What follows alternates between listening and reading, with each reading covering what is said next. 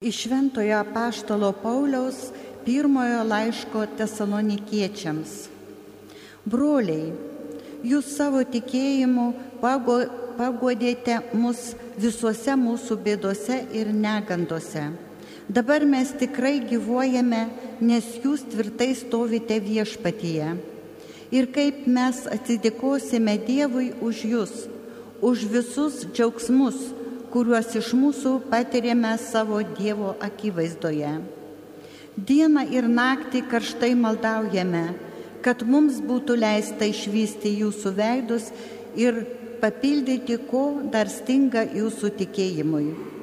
Jis pats mūsų Dievas ir Tėvas ir mūsų viešpats Jėzus te praskina mums kelią pas jūs. Viešpats te praturtina jūs ir te pripildo meilę vienų kitiems ir visiems, kaip ir mes jūs mylime, kad jūsų širdis būtų tvirtos ir nepeiktino šventumo mūsų Dievo iš tėvo akise, kai vėl ateis mūsų viešpats Jėzus su visais savo šventaisiais. Tai Dievo žodis.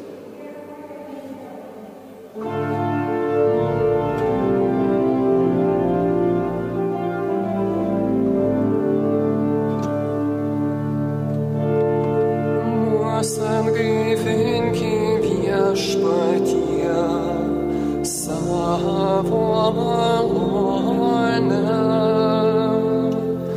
Mūsų atgaivinki viešpatie savo malonę. Žmonėms tu liepi sugrįžti.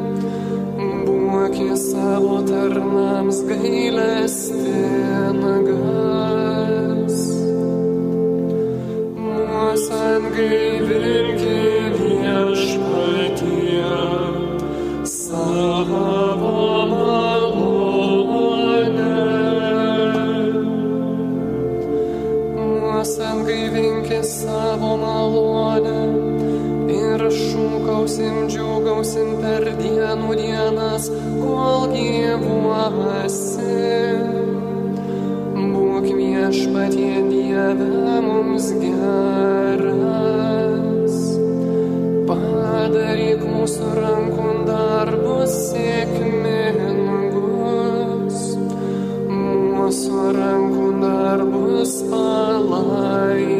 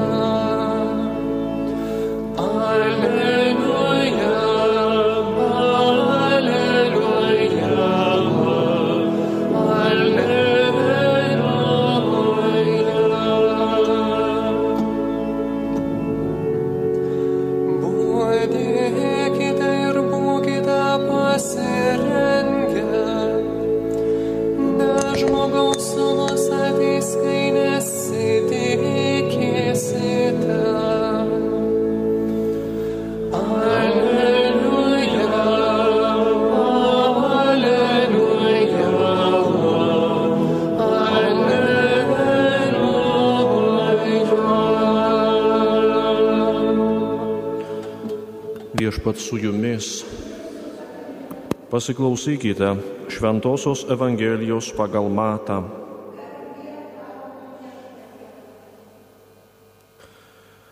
Jėzus kalbėjo savo mokiniams, būdėkite, nes nežinote, kurią dieną ateis jūsų viešpats. Supraskite ir tai, jeigu šeimininkas žinotų, kurią nakties valandą ateis vagis, jis būdėtų ir neleistų jam įsilaužti į namus. Todėl ir jūs būkite pasirengę, nes žmogaus sunus ateis, kai nesitikėsite. Kas yra ištikimas bei protingas tarnas, kurį šeimininkas paskiria savo metu maitinti šeiminos? Laimingas toksai tarnas, kurį sugrįžęs šeimininkas ras gerai besidarbuojantį. Iš tiesų sakau jums, jį paskirs valdyti visų savo turtų. O jei anas tarnas bus blogas ir tars pats savo, mano šeimininkas neskuba grįžti ir pradės mušti savo draugus, valgyti, užti su girtuokliais. Tuo tarno šeimininkas sugrįž vieną gražią dieną, kai jis nelaukia ir tokią valandą, kurią jis nesitikė. Jis žiauriai nubaus jį ir paskirs jam dalį su veidmainiais. Ten bus verksmas ir dantų grėžimas. Girdėjote viešpaties žodį. Kviečiu trumpam prisėsti.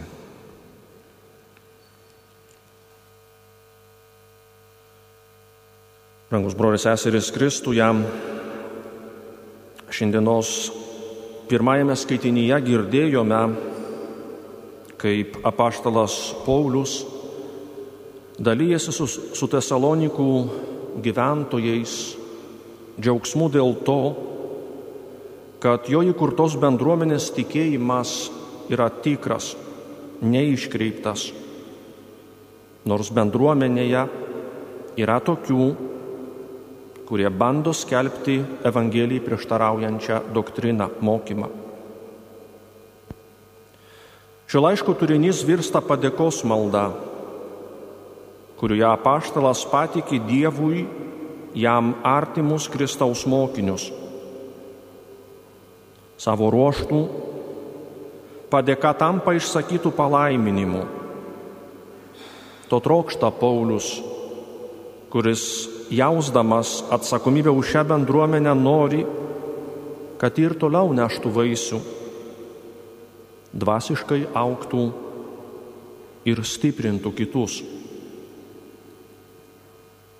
Savo antrosios misijų kelionės metu apaštalas Paulius trumpam apsistojo triukšmingame Makedonijos uoste, būtent Tesalonikuose.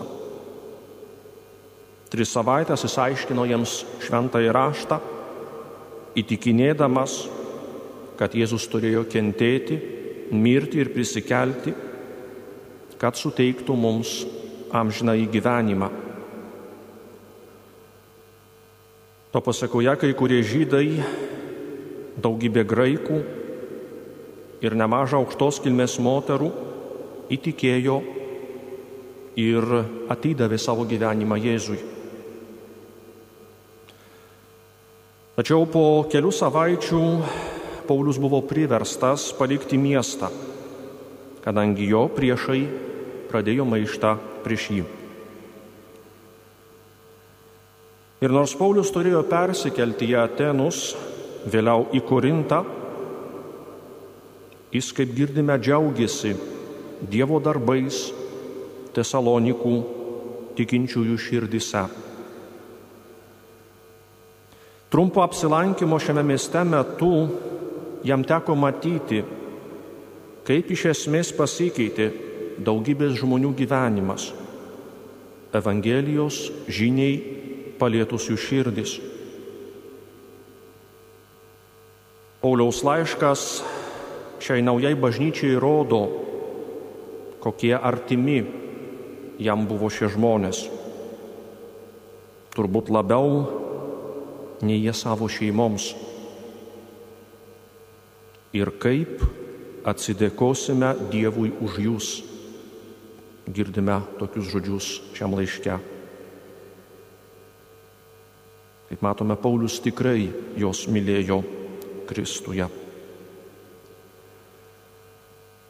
Paulius kaip tikras misionierius iš visos širdies rūpinosi savo įkurtomis bažnyčiomis. Jam būti misionieriumi tai atidėti savo planus ir pašvesti save, visą save Dievui ir žmonėms. Paulius mylėjo tuos, dėl kurių dirbo ir džiaugiasi jų ištikimybę. Kaip tėvas rūpinasi, kai augdami jo vaikai atsilieps į pasaulio problemas, taip Paulius nerimavo, ar šie jauni krikščionys pakels daugybę jų laukiančių sunkumų ir išbandymų. Ko gero tie, kuriems jis pamokslavo, visada buvo jo širdyje ir maldose. Ypatinga dovana, kurios prašo šventasis Paulius, yra meilė. Nes jei įviešpataus žmonių širdise, kelias į šventumą bus atviras. Dievas ves šios žmonės prie savęs. Antroji svarbi dovana, kurios prašo tautų apaštlas iš viešpatės yra tikėjimas. Jis papildo meilę ir dar labiau nukreipia ją į, į Dievą. Kaip žinia, pirmųjų amžių krikščionims buvo svarbu laukti parūzijos, kas reiškia antrojo viešpatės ateimo. Tų laikų žmonėms atrodė, kad gelbėtojo ateimas įvyks bet kurią akimirką. Todėl būtina būdėti, kad tam susitikimui tinkamai pasiruoštume.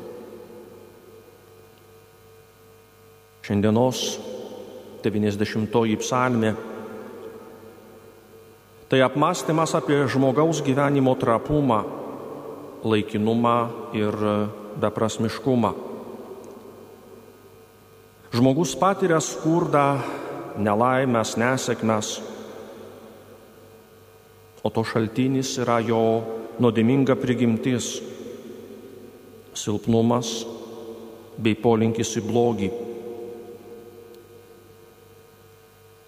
Šios kupinos praeinamumo jausmo žmogaus būklės priešingybė yra Dievo pastovumas ir didybė. Juk visa žmonijos istorija tai yra akimirka Dievo visagalybės akivaizdoje. Todėl tik jame galime rasti atramos tašką, tikrumą ir pasotinimo šaltinį. Dievas, kurio šaukėsi psalmininkas, dovanoja gailestingumą ir užuojautą. Tik jis gali įprasminti trapes žmogaus dienas. Šiandienos Evangelija tai palyginimas, įspėjantis, kad gerai išnaudotume laiką iki galutinio Jėzaus ateimo. Galutinė žmogaus gyvenimo tikrovė tai teismas, kuriame visi tiek tikintieji, tiek netikintieji turi būti teisiami. Kad pasiruoštų šiam teismui, Jėzaus mokiniai pirmiausia turi atsikratyti įsitikinimo, jog jie yra privilegijuoti. Priklausimas bažnyčiai pareigos bažnyčioje, ar net geras tikėjimo išmanimas tą dieną neturės jokios reikšmės, bet priešingai. Tie, kurie buvo privilegijuoti ar apipilti Dievo malonėmis, bus teisami, kaip žinome, dar griežčiau. Aplamai paėmus, krikščioniškas gyvenimas tai nuolatinis pasirengimas Jėzaus ateimui. Krikščionis niekada neturi pasiduoti saugumo jausmui. Jeigu krikščionis savo elgesyje neatsižvelgia jam žinai likimą, jo gyvenimas bus kupinas nepasitenkinimo ir kartėlio. Tai bus bėgimas nuo to, nuo ko neįmanoma išvengti. Krikščioniui, kuris laukia ir būdi, Jėzus skelbia palaiminimus. Blogis ir žala gali atsitikti visai netikėtai, be jokio pranešimo ar įspėjimo. Bet tas pats pasakytina ir apie palaiminimus. Tačiau palaiminimai pasitaiko kur kas dažniau. Jie nutinka taip dažnai, kad jų netgi nepastebime. Jie priimami kaip savaime suprantamas dalykas. Jėzus įspėja mus būti budrius ir laukti jo atėjimo, nes jis ateis su gausiais palaiminimais. Bet tuo metu kai mažiausiai to tikėsimės. Rangus broliai seserys, negalime gyventi ir galvoti taip, kad susitikimas, tas galutinis susitikimas su Jėzumi dar ne šiandien ir dar ne dabar. Taip, nieks nežino, kada tai įvyks, bet reikia ruoštis. Kaip tą galime padaryti? Melstis ir stengtis nedaryti nuodėmių. Jėzus mums sako, kad būdėtume ne tik laukdami jo ateimo, bet ir dabar. Jis taip pat kviečia nuolat būti su juo, melstis ir išlikti nuolatinėme santykėje su juo. Kas melžiatės, žinote, kad melstis nėra taip paprasta. Kai kurie žmonės, bandydami praktikuoti krikščionišką maldą, galvoja, kad malda turi jiems teikti vien tik malonumą. Jei maldoje nepatyriau malonumo, tai tada tokia malda laikoma nepavykus. O kaip nepatiria kažko ypatingo, tada netgi nustoja melstis ir tai nėra teisinga. Praktikuojant maldą reikia būti pasiruošus įvairioms patirtims, o svarbiausia - išlikti ištikimais. Jėzus, kaip girdime šios dienos Evangelijoje, atskleidžia ištikimybės ir neištikimybės pasiekmes. Jei būsime ištikimi, patirsime džiaugsmą Dievo artumoje. Jei ne, tuomet mūsų laukia verksmas. Jėzus taip mus myli ir trokšta, kad mes nepasiliktume amžinoje kančioje, o gyventume jo artumoje. Jėzus ragina būdėti ir tai suprantama. Šie laikai gali baigtis bet kurią akimirką. O jis nori, kad mes būtume pasiruošę. Ir šis paraginimas anaip tol nėra tuščias. Tai labai praktiškas požiūris į gyvenimą, kadangi prie naujo gyvenimo turime prisitaikyti. Bažnyčia šiandieną mums primena tą Jėzaus paraginimą. Būdėkite. Plačiau aiškinant šį žodį, reiškia atminkite, kas esate. Dievo vaikai, artimiausi jo širdžiai, mylimi, brangus ir nepakartojami. Tie, apie kuriuos su meile galvoja ir kuriuos ko mieliausiai vis prisimena. Ne kažkas, kuo jis domisi tarsi iš tolo. Esi jo, jis rūpinasi tavimi. Džiaugiasi, kai tu džiaugiesi ir nori tave guosti, kai tau skauda. Tad kasdien bent truputį pabūk su tuo vieninteliu, kuris visada tavo pusėje, visada su tavimi ir už tave. Prašyk, tėve, leisk man suvokti, jog tikrai esu tavo vaikas ir galiu šiandien gyventi tavo meilę. Būdėk. Dievas turi tavo gyvenimui skirtą planą. Planą tavo labui. Planą vilties sklydinai ateičiai. Dievas nori įsukti tave į savo į gyvenimą, net jei jo gyvenimas atrodytų kaip tas pats senas darbas, ta pati įgrisusi mokyklos tvarka, ta pati kasdienė roša klausk jo. Jis mielai pasidalys su tavimi mintimis. Neapsiribok vien mal, tradicinių maldų žodžiais. Atsakyk, tėve, ką šiandien man esi numatęs? Kaip šiandien mane pasikviesi? Kaip man šiandien statydinti tavo karalystę? Būdėk. Šietonas tik ir te laukia, kad prisnūstum. Būk apdairūs, kad neapgautų. Ypač kai mėginsi teikti, jog esi bevertis, nemylimas ir vienišas. Būdėk, nes velnės nori supančioti tave pikčių, kartėlių pagėžą. Neįkliūk, atleisk prašyk atleidimo.